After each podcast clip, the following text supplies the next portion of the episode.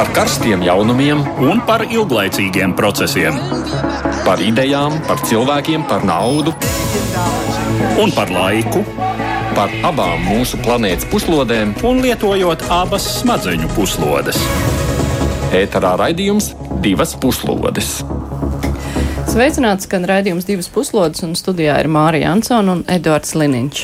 Šodien raidījumā turpinām apskatīt valstu profilus, un nu kārta pienākusi Taivānai, jeb pilnā vārdā Ķīnas Republikai Taivānā.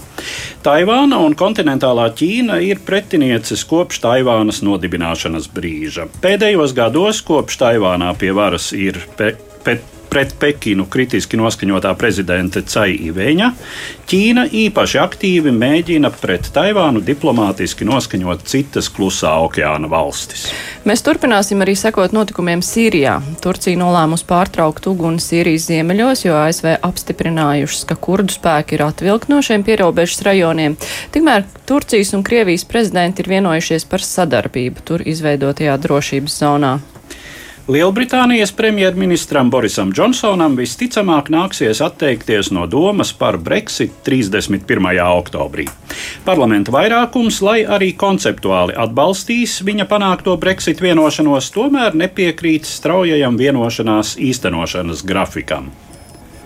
Tikmēr Kanādā notikušajās parlamenta vēlēšanās uzvarējusi pašreizējā premjera Justina Trudora liberālā partija. Tomēr tā ir zaudējusi absolūto vairākumu, un visticamāk Kanādā tiks izveidota mazākuma valdība, kurai būs nepieciešams kreiso opozīcijas partiju atbalsts.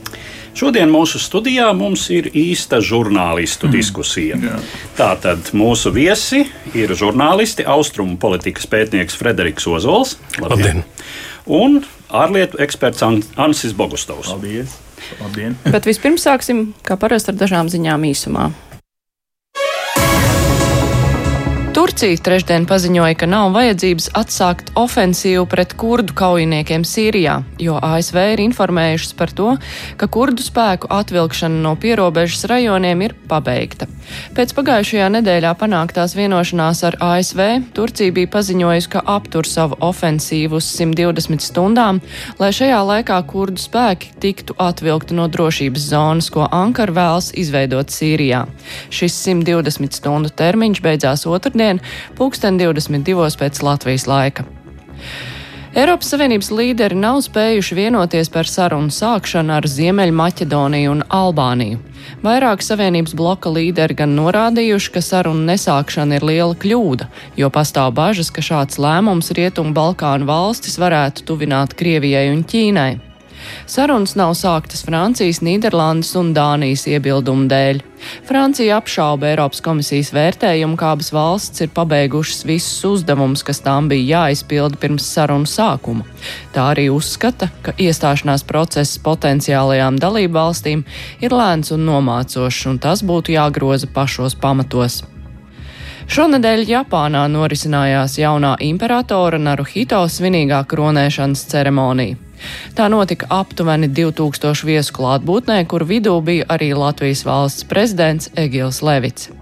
Naruhito kļuva par Japānas imperatoru pēc tam, kad viņu 85 gadus vecais tēvs Akihito maijā oficiāli atteicās no troņa, kļūstot par pirmo imperatoru aptuveni 200 gadu laikā, kurš atteicies no troņa. Par imperatoru maiņu tika paziņots jau pirms diviem gadiem, jo vecuma un sliktās veselības dēļ Akihito bija arvien grūtāk pildīt savus pienākumus. Uzņēmums Facebook tam piedarošajā sociālajā platformā Instagram apturējis Krievijas profilu tīklu darbību, kas ar šķeļošu politisku vēstījumu, tuvojoties ASV prezidenta vēlēšanām, centies uzrunāt auditoriju Savienotajās valstīs. Par to informēja pats uzņēmums.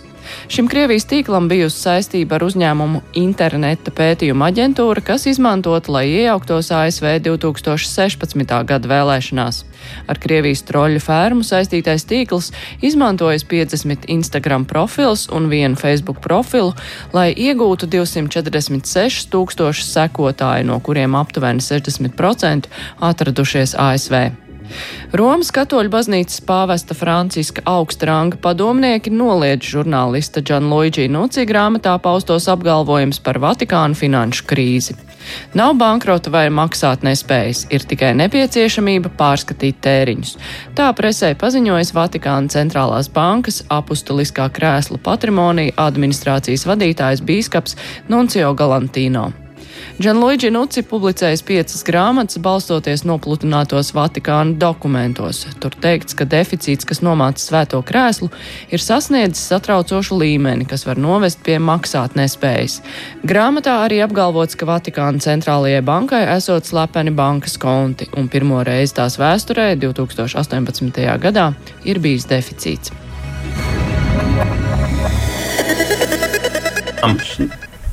Bet tagad atgriežamies pie sākumā pieteiktiem tematiem. Tātad vispirms Taivāna valsts profils. Pašreiz pastāvošā Taivānas valsts, jeb oficiālā nosaukumā Ķīnas republika, izveidojās 1949. gadā, kad pēc zaudējuma komunistiem Ķīnas pilsoņu karā turp pārcēlās Ķīnas nacionālistu valdība ar Čanu Kaišī priekšgalā, kā arī apmēram 2 miljonu nacionālistu armijas karavīru un valdības atbalstītāju. Čana Kaišī un viņa vadītās nacionālistiskās Gomiņdana partijas režīms Ķīnā bija vienpartijas diktatūra, un šādu pašu valdīšanu tas turpināja arī Taivānā. Kara stāvoklis salā tika atcelts tikai 1987. gadā, un līdz tam īstenotās represijas skāra apmēram 140 tūkstoši cilvēku, 3 līdz 4 tūkstošiem piespriežot nāves sodu. Represijas vērsās nevien pret patiesiem vai domājumiem komunistu atbalstītājiem, bet arī pret vietējo taivāniešu elitu, kuru no varas atstūma no kontinenta pārcēlušies varas vīri. Pārmaiņas sākās tikai pēc Čana Kaišī nāves, kad vara pārgāja viņa dēla Čana Čingo rokās. 80. gadu otrajā pusē valstī tika iedibināta daudzpartiju sistēma, ieviests demokrātisks varas dalījums, atcelts kara stāvoklis. Pakāpeniski pieauga vietējās izcelsmes taivāniešu īpatsvars varas struktūrās, tika atzīta Taivānas lokālā identitāte, kuru agrākā vara bija centusies izskaust. Pēc Čana Čingo nāves 1988. gadā par prezidentu kļuva Taivānā dzimušais Līden Hveis, kurš turpināja aizsākto reformu kursu un 1996. gadā tika pārvēlēts pirmajās tiešajās Taivānas prezidenta vēlēšanās. Kopš demokrātijas iedibināšanas Taivānas politikā dominē divas koalīcijas - Gomiņdana vadītā tā saucamā Zilā koalīcija un Demokrātiskās progresīvās partijas vadītā Zaļā koalīcija, kuras pārstāvis Čens Sjubjans 2000. gadā pirmo reizi tika ievēlēts par prezidentu. Zilie saglabā tradicionālo politisko kursu uz Ķīnas apvienošanos, atjaunojot Ķīnas republiku arī kontinentālajā Ķīnā. Savukārt zaļie orientējas uz Taivānas kā suverēnas valsts nākotni. Tikām ekonomiski Taivāna jau kopš pagājušā gadsimta 70. gadiem ir viena no spēcīgākajām reģionu valstīm, līdz ar Dienvidkoreju, Hongkongu un Singapūru veidojot tā saucamo Āzijas tīģeru četrotni. Tā skaitā pēdējās desmitgadēs aktivizējušies arī ekonomiskie sakari ar Ķīnas Tautas Republiku, kam gan joprojām traucē abu valstu savstarpējā neatzīšana. Ārpolitiski smagāko zaudējumu Taivāna piedzīvoja 1971. gadā. Līdz tam Taipejas valdība pārstāvēja visu Ķīnu ANO, tā skaitā bija pastāvīgā drošības padomas locekle, bet tad šī vieta tika dota komunistiskajai Ķīnai. Pekina konsekventi uzskata Taivānu par nelikumīgi atdalītu Ķīnas provinci. Lai gan militāras sadursmes kopš pagājušā gadsimta 50. gadiem nav notikušas, militāra un diplomātiska spriedze abu valstu attiecībās ir pastāvīga. Šai nevienlīdzīgajā pretstāvē Taivānai ļoti svarīgs ir līdz šim konsekventais savienoto valstu atbalsts. Arī pašreizējais kontinentālās Ķīnas līderis Xi Jinpings akcentē Pekinas nostāju, deklarējot gatavību militāram konfliktam gadījumā, ja Taivāna mēģinās pasludināt neatkarību de jure. Savukārt pašreizējā Taivānas prezidenta Demokrātiskās progresīvās partijas līdere Cai Inveņa uzsvērusi, ka Taivāna nekad nepieņems kādu apvienošanos ar kontinentālo Ķīnu pēc Hongkongas vai līdzīga scenārija.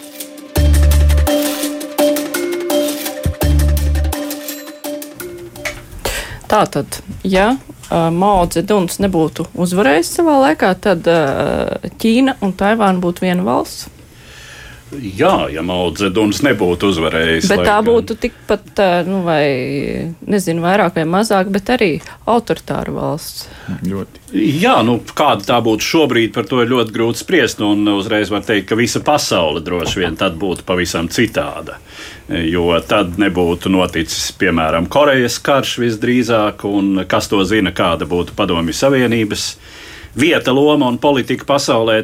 Tā kā, nu, tas ir tāds globāls, kā būtu, ja būtu apmēram tādā pašā līmenī, kā būtu, ja Savienotās valstis būtu zaudējušas savā neatkarības karā mm. 18. gadsimta otrajā pusē. Eh, tā kā nu, eh, notika tā, kā notika, eh, un šī Gomindāna vāra mm, nostiprinājās Taivānā.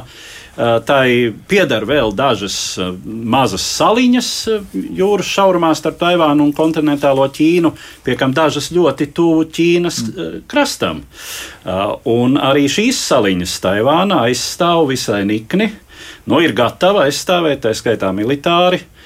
Un Ķīna nav pēdējās desmitgadēs nekādi mēģinājusi reāli uh, Eh, šos zemes pleķīšus sev atgūt. Bet, eh, ja, nu, ja paskatās uz procesiem, kā ir izveidojusies tā Taivāna, kas ir šobrīd, kā tas notika 87. gadā? Kad, nu, tas ir diezgan loģisks process, kāds eh, ļoti līdzīgs notika arī Dienvidkorejā, kas sākotnēji arī nebija demokrātiska valsts vēl 50. gados, un tad pakāpeniski, ko nosaka, uh, droši vien šādu režīmu iespējas tomēr uz ekonomiku, jo nu, salīdzinoši maz ir to piemēru, kad šādu režīmu gadījumā ekonomika ilgstoši un sekmīgi attīstās, tā ilgspējīgi attīstās. Lielāko tiesu tomēr nedemokrātisks režīms agri vai vēlu izraisa arī ekonomisku stagnāciju, un tas rada problēmas sakaros ar demokrātiskām valstīm bieži vien, un jo tālāk, jo jo tās problēmas ir lielākas. Ne, ne, vienkārši jau tā pavirši paskatoties, eh, kāda to chronoloģija, tad šķiet, diktators nomira, nāca viņa dēls un viss mainījās, bet tik vienkārši jau tas nenotika. Industrializācija, man liekas, arī daudz ko nozīmē. Tajā laikā tāpat Koreja tur eh, kontekstā ir eh, nu, vienkārši tās Jā. mazākās un nadzīgākās valsts varēja ātrāk ieviest to, un uh, lielā Ķīna lēnām aizgāja no komunismu līdz šai ražot spējai vai Jā. šai. Un ekonomiskā attīstība parasti tā tomēr rada vidusslāni un arī turīgāko slāni ar neizbēgamām lielākām politiskām ambīcijām. Protams. Uh, un uh, tas, uh, tas arī, protams, te, te ir lielais jautājums uzreiz jāsaka par pašreizējo Ķīnu. Mm.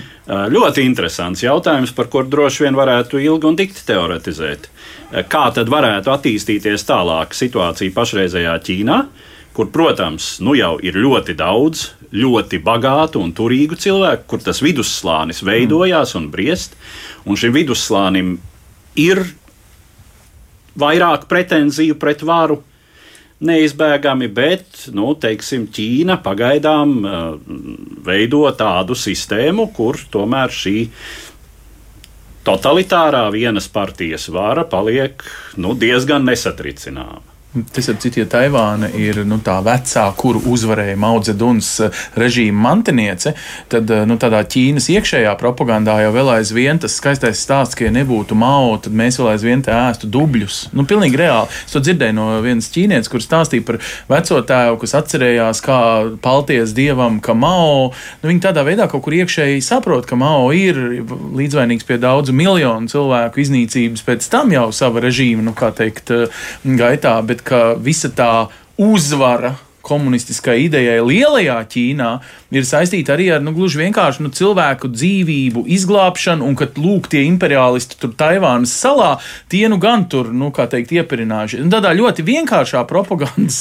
līmenī, ļoti vienkāršam cilvēkam, kas nedomā par, piemēram, ekonomiskiem rādītājiem un, un 21. gadsimta izaicinājumiem, lūk, nu, liberālām vai citām demokrātijām, tiem vēl aizvien šī pasaciņa, nu, līdzīgi kā mēs dzirdam, ka Staļina laikā jau var varbūt nebija nemaz tik slikti, vai ne? Nu, nu kaut kādas zināmas līdzības no Latvijas galva. Jā, man, ir, man nedaudz ne- nepatīk eh, tas eh, šīs stāsta vienkāršošana.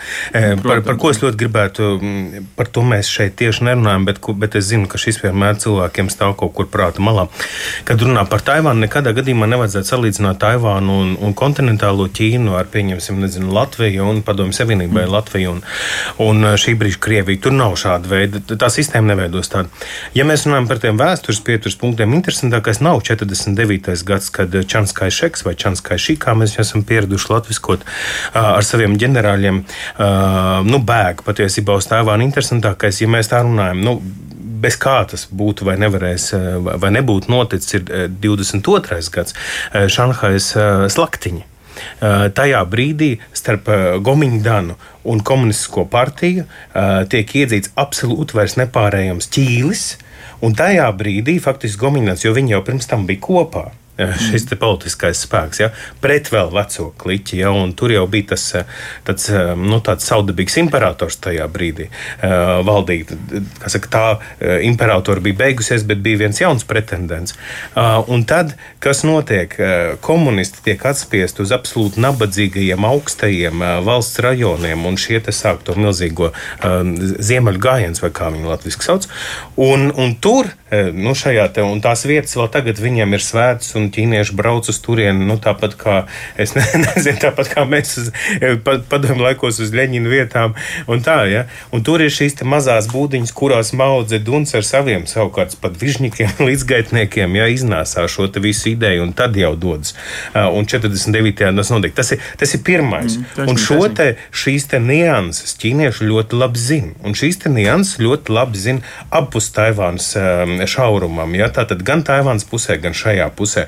Eh, Čanskai šī nekad nav uzskatīts par tādu absolūti šķīstu personu. Viņš tāds arī nebija. Tāpat arī visa tā valsts, kā viņa bija līdz 70. Es neatceros, kuram mums ap citu, ja es pareizi atceros. Man bija ļoti labi sekmes tajā uh, Ķīnas 20. gadsimta vēstures eksāmenā, bet nu, šis tas jau ir pagājis atmiņā. Bet es atceros, ka viņš nomira, ja nemaldos, Hongkongā vai katrā ziņā tur eh, viņam tā liga sākās. Ja? Eh, Nu, bet labi, ta- tas, tas būtu tas mazākais. Un tikai pēc tam, bet arī vēl paiet laiks, 86. tad mēs vispār sākam pieļaut kaut kādu zināmu politisku plurālismu. Bet tā, ka tas uh, Gomindans nu vairs nespēlē pir, pir, pirmo to vielu, tas ir vispār pavisam nesen, nu tāda attīstība. Ja? Šo vispār visu, šos, eh, nu, visu šo te vēsturi ķīnieši ļoti labi zina. Viņi neuzskata kontinentālo Ķīnu kā savu tādu absolūtu pretmetu. Starp citu, pat Dienvidkorejā daļa dienvidkorejiešu, bet daļa eh, neuzskata Ziemeļkoreju par absolūto pretmetu, bet, eh, bet drīzāk viņi meklē veidus, nu, pašreizējais Dienvidkorejas prezidents galu galā ir viens no šiem te um, meklē veidus, kā varētu, nu, kā bruģēt šīs atšķirības un tā. Un tāpat arī Taivāna. eh, Viņa, nu, tāpēc jau Taivāna pat formāli nepaziņo neatkarību. Galu galā no tās Ķīnas tas nav stāsts par to, ka mēs ļoti baidītos eh, no, no, no, no reakcijas, jo tāda nāk tikai no spēcīgās kontinentālās Ķīnas tagad.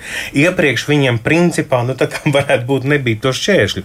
Pat bija valstis, kas sākumā svaidījās un Taivānu atzina par to īsto, īsto eh, Ķīnas. eh, Nu, Ķīnas Bet, bet, valsts, bet ja, tu, ja tu jau pieskaries arī šīm te diplomātiskajām lietām, pēdējo gadu laikā Ķīna ir ļoti aktīvi darbojusies, lai pret Taivānu noskaņot īpaši klusā okeāna valsts, un ir, nu, tur ir septiņas Nu, valsts, jau, pilnīgi kuras ir mainījušas. un Latvija Jā. ir la- klasisks Viens piemērs. jā. Mums sākumā bija Taivāns eh, vēstniecība, vai katrā ziņā mēs sasākām tās mēģinājums attiecības. uzsākt tā. attiecības. Mm -hmm. Un tagad tikai, ja nemaldos, eh, bet es arī varu kļūdīties, Zinātņu akadēmijā.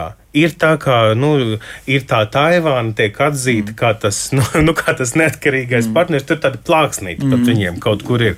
Uh, nu, cik es man atmiņā turās. Mm. Visi pārējie mēs esam, es pat prasīju savulaik, jo es esmu vairāk kārt ticējis ar Taivānas, nu, viņu pašu darbinieku, tad, kad viņi organizē šīs pusdienas, tad viņi sauc, uh, zinot, ar jums gribētu tikties Taivānas vēstnieks. Mm. Bet patiesībā viņam nav vēstnieks. Nu, viņš ir status, ja. laikam, pēc nu, viņš pat nav diplomātiskā ne ja?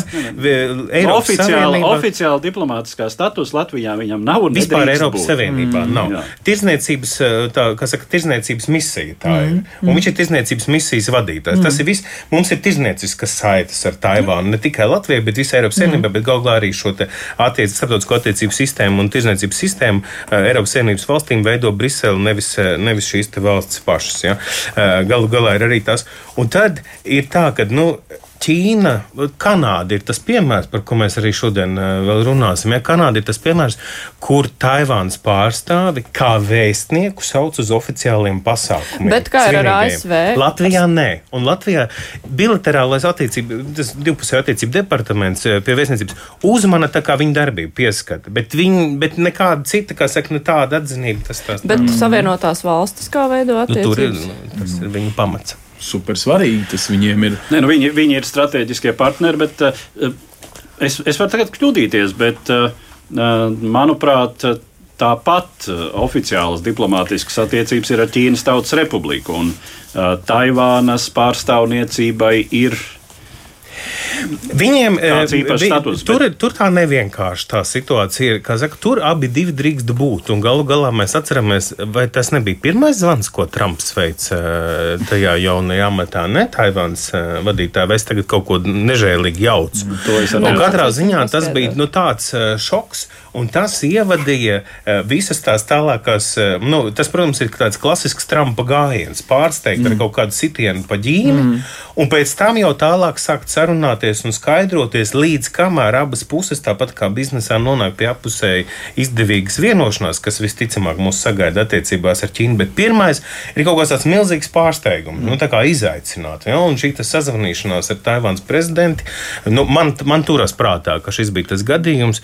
Eh, Nu, tas bija viens no. Tas bija tāds, ka visi brīnījās, nu, kas būs tālāk. Nu, tālāk bija tikšanās ar Ziemeļkorejas vadītāju. protams. Bet atbildot tā tieši, Amerikas interesi taču ir jau paskatās kartē. Nu, kā nu, militārs. uh, Arī jūras uh, varenība ir liela varenība. Labi, tas bija varbūt pagājušajā gadsimtā, mūsdienās ir arī kodola, kodola varenība. Bet uh, Taivāna, Latvijas sakot, ir ļoti noderīga tajā idejai, ka amerikāņi grib attīstīt savu klātbūtni, savu uh, savā ziņā diktātu. Un Trumps to ir vairākas reizes teicis, lai ar ko viņš ir sakašķējies, bet, bet to, ka viņš grib nu, teiksim, diktēt vairāk uh, Āzijā, nu, nu, tas ir acīm redzams. Nu, gan iepriekšējie premi- nu, prezidenti arī. Cik Taivāna šajā gadījumā ir tiešām strateģisks partneris, ar kuru ir ļoti svarīgi uzturēt svarīgas attiecības. Ne obligāti, lai skaldi un valdi ar Ķīnu, jo es nedomāju, ka nu, amerikāņu vēlme ir vienu otram pretnostatīt, drīzāk abas, abas Nu jā, situācijas nu, izmantot. Tur jau faktiski ir, ir tā lietas būtība, ir tāda, ka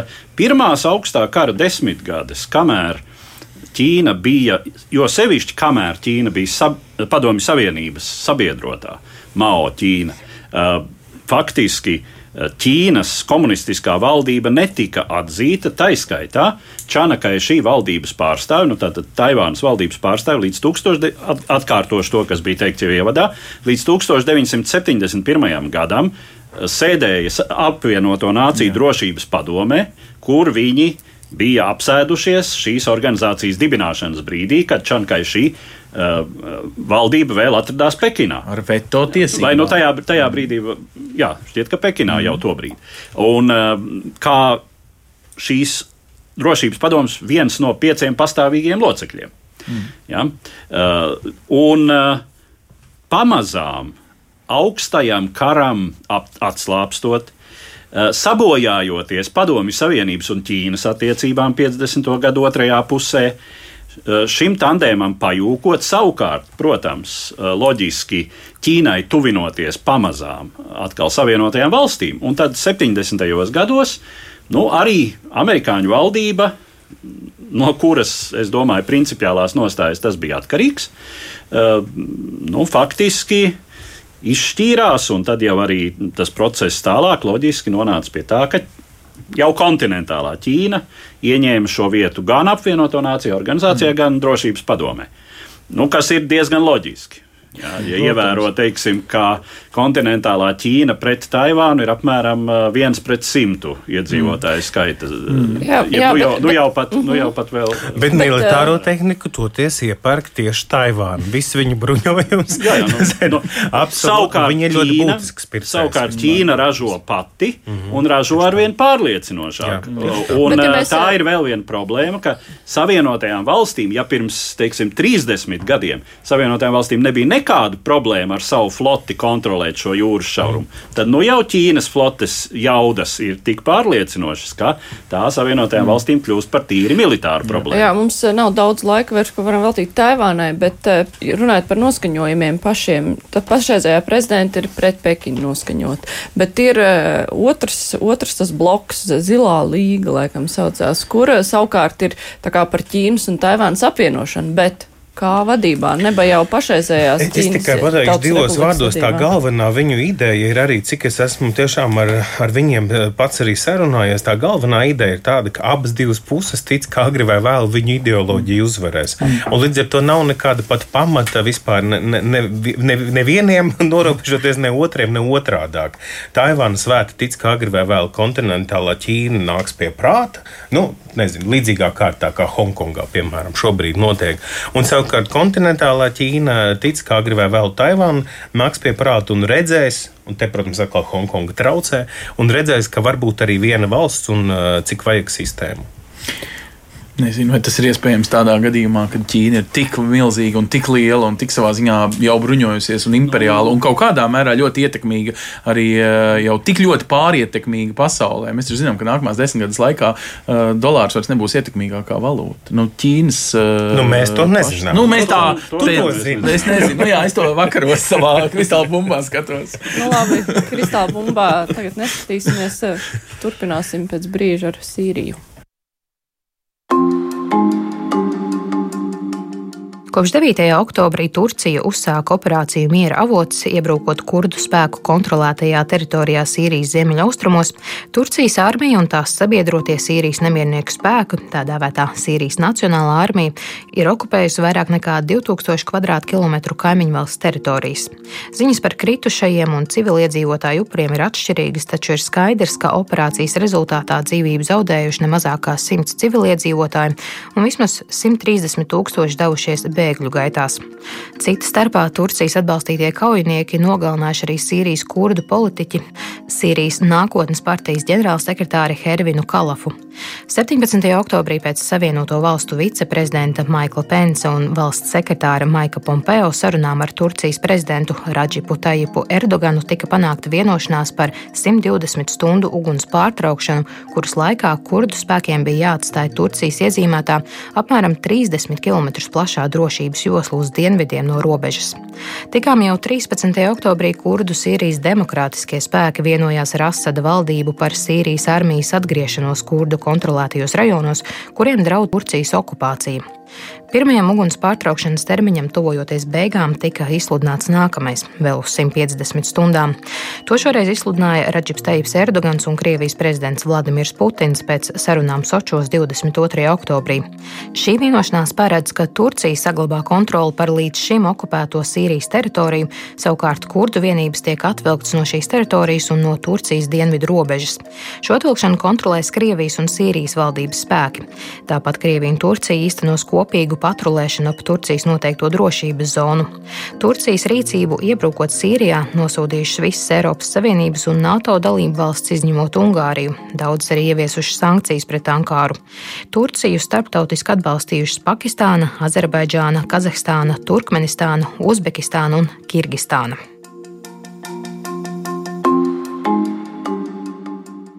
Jā, uzreiz ir jautājums.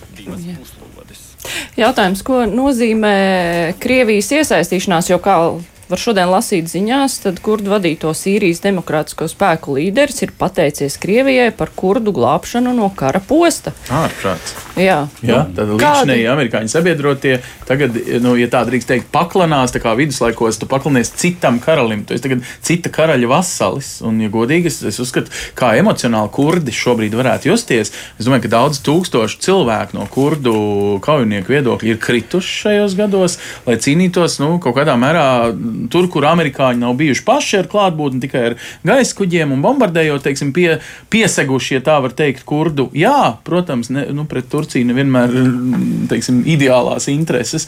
Tur šobrīd Trumpa, lūk, es nezinu, vai nemākulīgās vai apzinātās ārpolitikas rezultātā, principā uzmesti ir kurdi.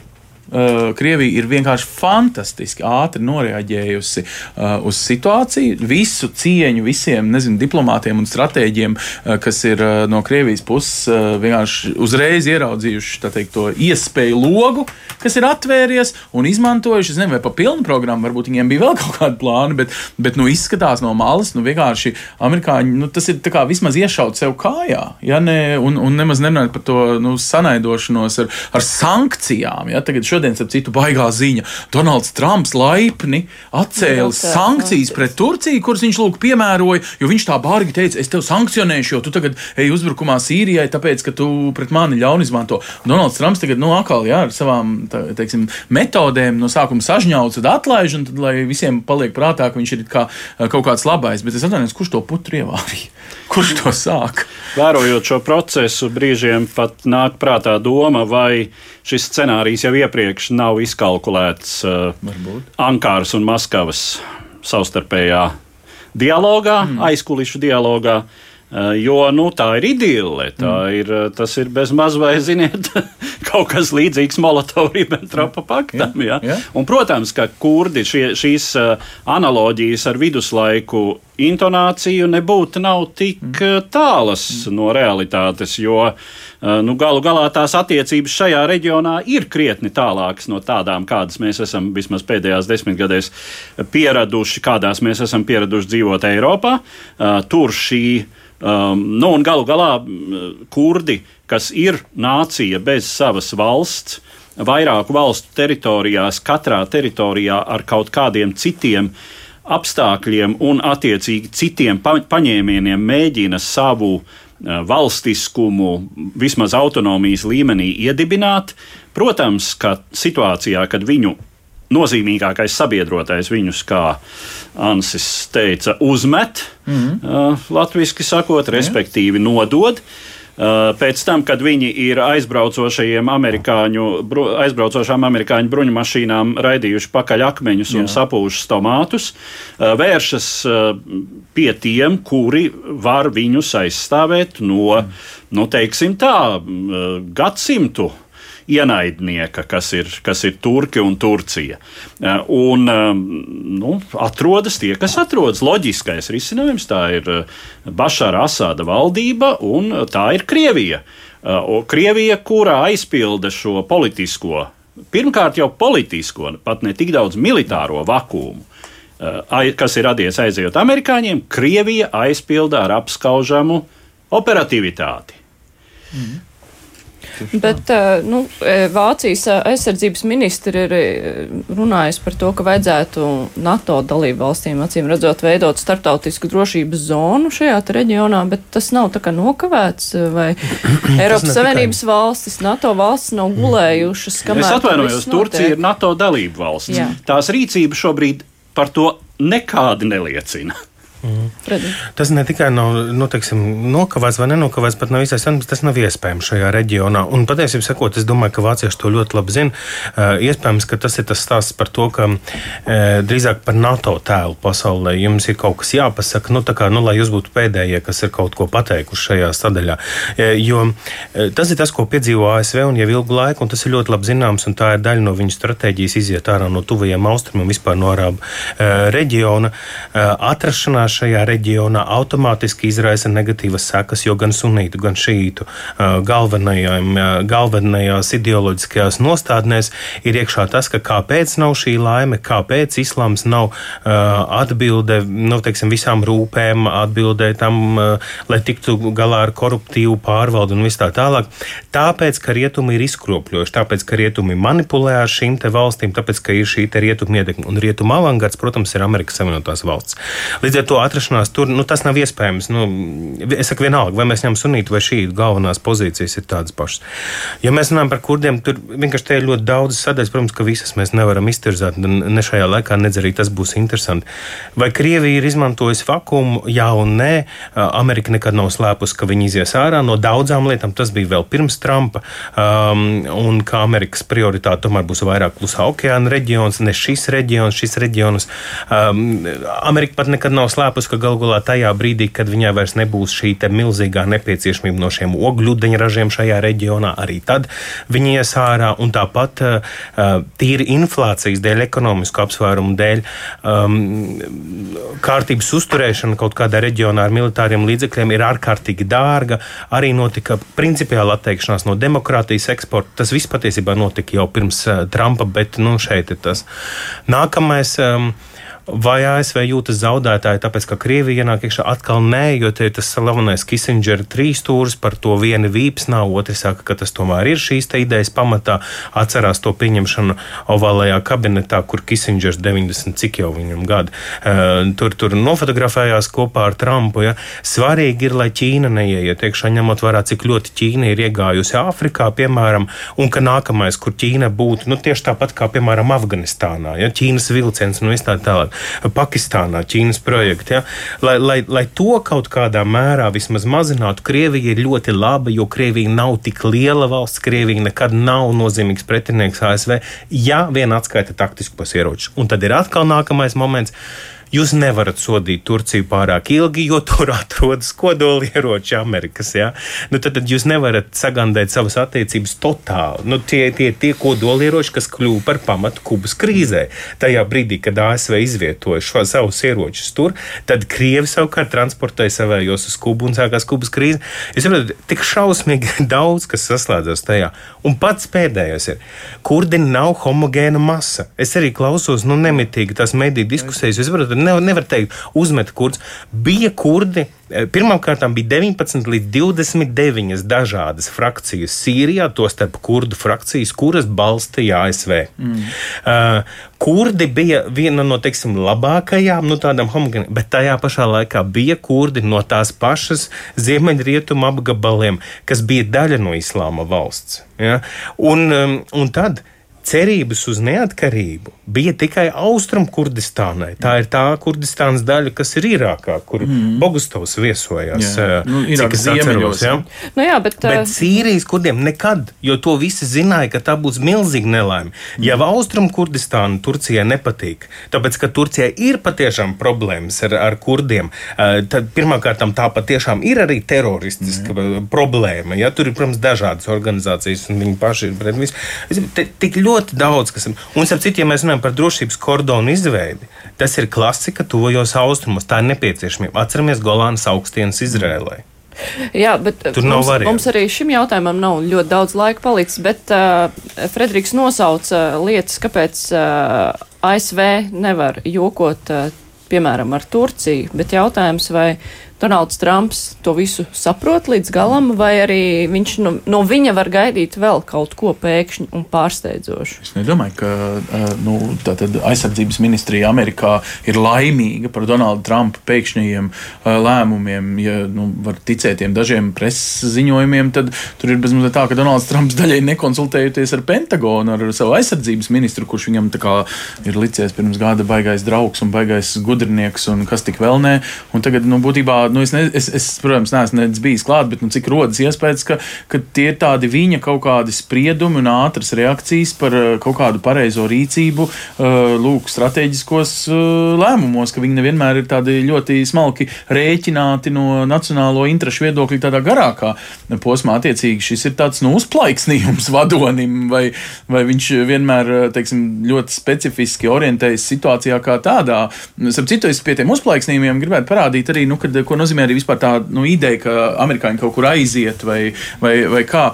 Kaut kādas būtiski pāris stundas pēc tam sākās, piemēram, no Saudārābijas, kas nu, sajūta arī, ka amerikāņi vairs nav tik klātesoši un, un viņiem savas mm -hmm, intereses. Viņi palielināja savu klātbūtni Saudārābijā, es atvainojos. Jā, jā, jā Saudārābija, ne, ne, nevis klātesoši, es, es domāju, reģionā klātesoši uh, interesēs. Uh, piemēram, Saudārābija pēkšņi paralēli sāk apšaudīt Irākas, Irānas uh, naftas tankeru sarkanajā jūrā vai kaut kādas citas lietas. Un bišķiņ vajag, nu, arī tie, tie notikumi, kas, kas reģionā attīstās uh, daudz plašāk, parauj vaļā, es teiktu, tādu veselu, nu, daudzu, pilnīgi piekrītu notikumu, nu, ieinteresēto. Um, nu, katram savu personīgu rīcību. Es nesaku, ka tas ir ideāli, ka amerikāņi tur ir vienmēr klāt kā tādi policisti, kas notur, kā teikt, visus noziedzniekus katru savā kamerā saliek. Nē, Bet nu, tādas lielas, es domāju, tektoniskas izmaiņas no šī eh, varbūt vēl tikai eh, sekos, jo tur ir tiešām ļoti daudz dažādas interešu grupas, kurai kādi ieroči ir piegādāti, kurai ir kādas valstiskas vai pretvalstiskas eh, intereses. Es, es, es domāju, ka tas ir jauna nemiera posma sākums, ko mēs esam piedzīvojuši. Nu jā, un to mums nāksies, acīm redzot, citos raidījumos mm. apskatīt. Mēs ejam uz Brexit tematu.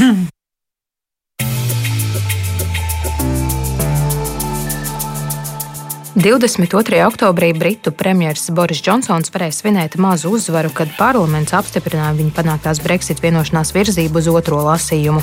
Tas ir rezultāts, kādu tā arī neizdevās sasniegt Džonsona priekšgājējai Terezai Mejai. Tomēr Britu likumdevēji neapstiprināja premjerministra rosināto vienošanās apstiprināšanas grafiku, tā padarot ļoti maz ticamu izstāšanos 31. oktobrī. Kā zināms, premjerministrs Džonsons, pildot parlamenta lēmumu, jau lūdzis Eiropas Eiropas Savienībai izstāšanās termiņu pagarinājumu līdz nākamā gada 31. janvārim.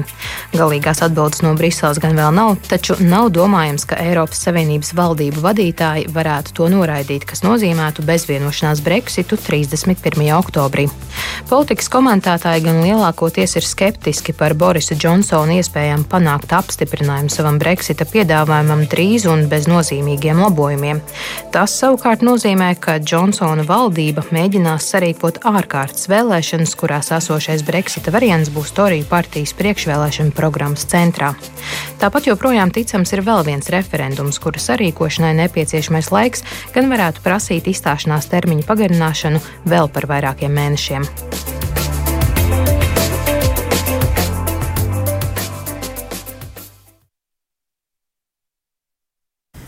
Jā, Tā tad ārkārtas vēlēšanas, tas jau ir uzskatāms, ka nu, gandrīz tā kā akmenī cirsts, reiz Džonsons to ir solījis. Vai tomēr viņš var mainīt?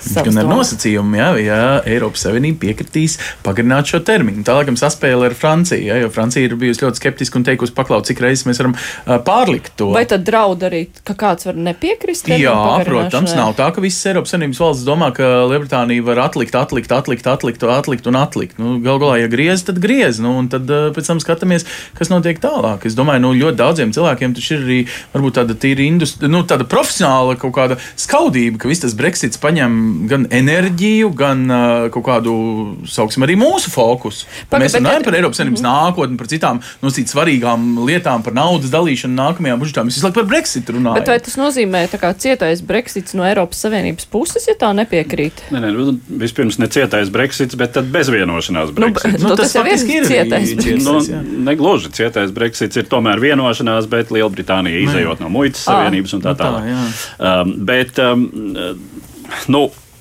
grūti tomēr iedomāties, ka, lai cik ļoti tas būtu apnicis, eh, ka eh, Eiropas Savienība arī riskēs ar nu, kaut kādu ambīciju dēļ, riskēs ar bezvienošanās Brexitu. Eh, tas, būt, tas būs sāpīgi, protams, pirmkārt Lielbritānijai, bet Eiropai arī to mēs visi saprotam.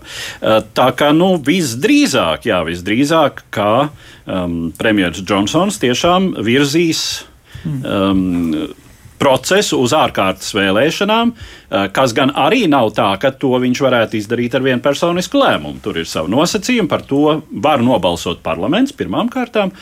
Tad, protams, var uh, viņš pats var izvirzīt uh, teiksim, uzticības balsojumu savai valdībai. Mm -hmm. nu, un, un vēl, protams, ir iespēja jebkurā brīdī opozīcijai, tātad Leiboristu partijai, pirmām kārtām šādu balsojumu pieprasīt. Nu, īsāk sakot, droši vien, kā tās vēlēšanas tiešām arī kaut kādā tuvākā vai tālākā perspektīvā notiks. Bet uh, vēlēšana rezultāti principā varētu atspoguļot tāda potenciālā vēl viena Brexita referenduma uh, nu, ide, nu, rezultātu, ja partijas pozicionē. Mēs Brexit jautājumā domājam to vai šo. Nu, es domāju, ka jā, nu, nu, nu, kā, nu ir skaidrs, jā. ka šādās vēlēšanās Brexit jautājums būs centrālais. Pilnīgi skaidrs, tas būs centrālais konservatīvo programmā. Uh, liberāļi ir uh, pateikuši arī ļoti skaidri, ka ja viņi uzvarētu šādās vēlēšanās, kas gan nav noticis šķiet, uh, manuprāt, nekad jā, kopš nekad. 18. gadsimta, uh, tad, uh, tad viņi atcels Brexit, atsauks 50. pantu vispār un pagriezīs visu procesu atpakaļ. Leiboristi, cik tālu viņa elektorāts šai ziņā ir sastrēlts.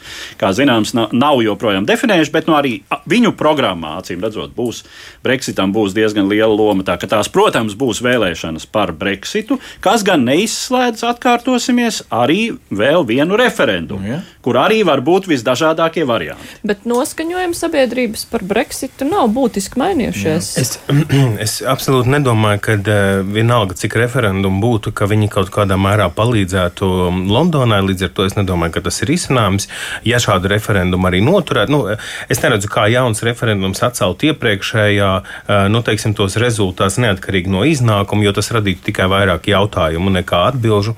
Nākamais, es negribu piekrist tam veidam, kā mēs vispār analizējam šo procesu jau ilgu laiku, kur mēs uzskatām, ka Londonā viss, kas notiek Londonā, ir haotisks, nejaušs gadījuma rakstura. Um, nu, tur, tur neviens cilvēks neko vispār no politikas nesaprot saprot. Uh, lai gan, godīgi sakot, tāda tipa politika, kādu viņi aizsāka jau divus gadsimtus pirms, pirms Eiropas, ja mums vēl tomēr varbūt ir ko pamācīties. Es domāju, tā, ka Londona ir šobrīd lielākā ieguvēja šajā ļoti ilgstošajā mokošajā procesā, lai cik uh, stingru nostāju pauda Eiropas Savienība. Tieši Eiropas Savienība ir nemitīgi veikusi atkāpes un piekāpes, sākot no paša pirmā paziņojuma, ka uh, Londona neizstāsies tāpat vien, respektīvi Lielbritānijai dabūs nu, matī attīstīt, ko nozīmē zaudēt Eiropas Savienību. Tā, tā pozīcija tika dzēsta jau tajā pašā gadā, un kopš tā laika mēs e, visu laiku ejam pa solīti, pa solīti pretim e, tieši Lielbritānijas prasībām. Bet Lielbritānijai bija ļoti nepieciešams laiks. To viņi paši neslēpa. Tur bija saskaitīts, e, tas bija vēl tajā 2016. gadā, bija saskaitīts, ka ir 450 vai cik tur dokumenti, kas ir nepieciešams labot un koriģēt un taisīt tikai attiecībā uz starptautisko tirzniecību. Tikai attiecībā uz starptautisko tirzniecību. Un tas ir tas, ko viņi ir mētiecīgi darījuši. Kamēr mēs eh, analizējam Londonu tikai un vienīgi Brexit sakarā, tikmēr tiek īstenota ļoti plaša starptautiska kampaņa. Eh, karaliskais pāris, abi divi, godīgi sakot, eh, un starp citu arī vēl vecā karaliene Elizabete, arī dzen piedaloties, tiek absolūti atjaunota sistēma šajā Britu valstu sadraudzībā, tiek veidotas jaunas tirzniecības attiecības, ļoti spēcīgas un ļoti interesantas. Tā kā es domāju, ka viņi ir ieguvējuši šajā procesā, un viņi varētu turpināt vēl kādu laiku. Un mums būtu ko pamācīties labi, bet mums ir jāturpina Kanāda. 21. oktobrī Kanādas pilsoņi kārtējās vēlēšanās piešķīra mandātus 338 parlamentu pārstāvju palātas deputātiem. Iepriekšējās vēlēšanas 2015. gadā nesa grandiozu uzvaru liberālajai partijai un tās līderim Justinam Trudeau, vairāk nekā pieckāršojot savu parlamentu pārstāvniecību un iegūstot 54% mandātu. Salīdzinoši šī gada vēlēšanas Kanādas liberāļiem ir zināms atkritiens, zaudējot 20 vietas pārstāvju palātā. Liberālā partija gan joprojām paliek lielākā frakcija, kas nozīmē palikšanu pie varas, taču parlamentārā vairākuma zaudējums padarīs grūtāku partijas programmas īstenošanu un liks meklēt sabiedrotos parlamentā. Visdrīzāk par tādiem varētu kļūt sociāldemokrātiskā jaunā demokrātiskā partija, kura gan arī zaudējusi daļu līdzšinējo mandātu. Ieguvēja no šīm vēlēšanām ir Kanādas konservatīvā partija, kura kopējā balsu skaita ziņā pat nedaudz pārspējusi liberāļus, apmēram par piekdaļu palielinot savu pārstāvniecību parlamentā. Konservatīvie šķiet atguvušies pēc radikālā kritiena 2015. gadā, un abu lielāko Kanādas partiju starpā iestājies zināms ietekmes līdzsvars. Vispožākie rezultāti šajās vēlēšanās ir Kvebekas blokam, kreisas ievirzes partijai, kur iestājas par frančvalodīgās Kvebekas provinces atdalīšanos no Kanādas. Pēc smagās krīzes, kuru šī partija piedzīvoja šīs desmitgades pirmajā pusē, Kvebekas separātisti atguvuši trešās lielākās parlamentu partijas statusu. Jā, kas tad Kanādā ir īsti noticis? Kāpēc liberāļi zaudē pozīcijas? Nu, tas ir, protams, relatīvs zaudējums. Lai gan, ja Kanādā būtu proporcionālā vēlēšana sistēma, tad viņi jau būtu mazākumā. Viņi būtu mazākumā, jā. Nu, mazākumā ne tikai parlamentā, bet uh, valdību veidot konservatīvie. Mm. Jo pirms jau eksperti saka, ka šis rezultāts ir neticami labs, ņemot vērā visu, jā, kas te, te tāda interesanta nianse, ka 15. gadā nākot pie varas, Justins Trudeau solīja veikt vēlēšanu reformu, pārējot uz proporcionālo sistēmu. Mm -hmm. Pamazām tas kaut kā Aizmirst. aizmirsās un izkūpēja. Uh, viens no viņa neizpildītajiem solījumiem, lai gan vispār par liberāļu valdību tiek teikts, ka tā ir uh, salīdzinoši ļoti labi veikusi savus priekšvēlēšanu, pildījusi savus priekšvēlēšanu solījumus, ir pat vesels akadēmisks pētījums, kas nav nemaz tik bieži par šo tematu, un lūk, pētnieki ir atzinuši, ka valdība pēdējā pēdējo 35 gadu val, uh, laikā savus priekšvēlēšanu solījumus vislabāk pildošā valdība. Bet nu, uh, pēc tā grandiozā uzrāviena, kas notika 2015. gadā, es teiktu, tāds atslīdējiens, relatīvs atslīdējiens ir te jau neizbēgams. Un vispār jau nu, varētu teikt, ka Justins Trudeau var mierīgi uh, iemalkot savu viskiju vai ko nu viņš ciena. Um, viss viņam būs kārtībā. Pagaidām viss viņam ir kārtībā. Bet uh, cik lielā mērā to, kas notiek Kanādā, ietekmē tas, kas, tas, kas notiek ASV, tas, ka tur ir Trumps prezidents? Vislielākajā mērā šogad būs pirmais gads, kad es nebraukšu uz Ziemassvētkiem uz Kanādu. Bet uh, tas, par ko runā kanādieši, nav viņu vietējā politika. Viņi runā tikai par amerikāņiem mm. un par amerikāņu politiku. Jo tas viss, ieskaitot visus teiksim, akciju ieguldījumus, arī pat maniem radiniekiem, tajos pensiju līmeņos, viss notiek lielākoties šajos vērtspapīros, vai nu kas ir Amerikas pusē, vai nu tajos, kas ir saistīti ar Amerikas importu un eksportu, ņemot vērā to ziemeļu.